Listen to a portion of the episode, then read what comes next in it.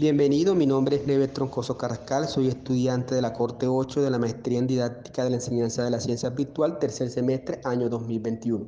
En este podcast estaré hablando sobre la idea previa que tengo de lo que es el pensamiento crítico, los elementos que lo conforman, cómo pienso aplicarlo en mi proyecto de investigación y la forma como lo ejecuto con mis estudiantes.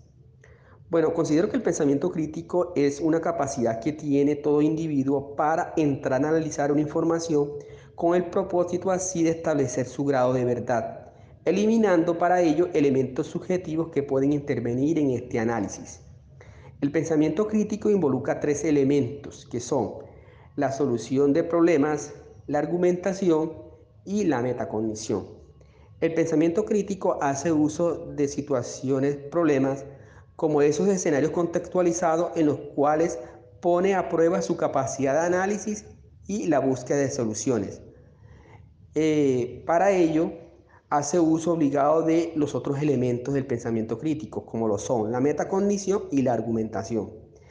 En cuanto a la metacognición, se considera como ese momento en el que el individuo entra a evaluar y a evaluar cómo puede analizar la problemática y cómo puede darle solución. Hecho esto, entra entonces a formalizar las ideas o argumentos que lo llevan a defender eso que como tal él usa para entender, analizar y darle solución a la problemática. En el caso de mi proyecto de investigación que tiene como título Desarrollo de la habilidad argumentativa a través de la explicación de fenómenos asociada al Asuntos Sociocientíficos, Proyecto Idituango, como se puede ver, se trabajan dos elementos del pensamiento crítico de forma directa, que en este caso es el uso de problemáticas o de un problema y el desarrollo de la argumentación. Y el otro se trabaja de manera directa, que en este caso es la metacognición.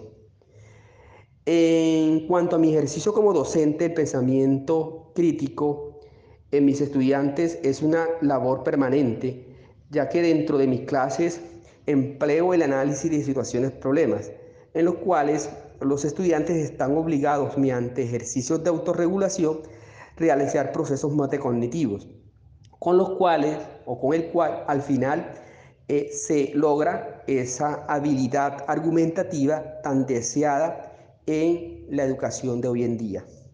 No siendo más, me despido hasta una próxima entrega.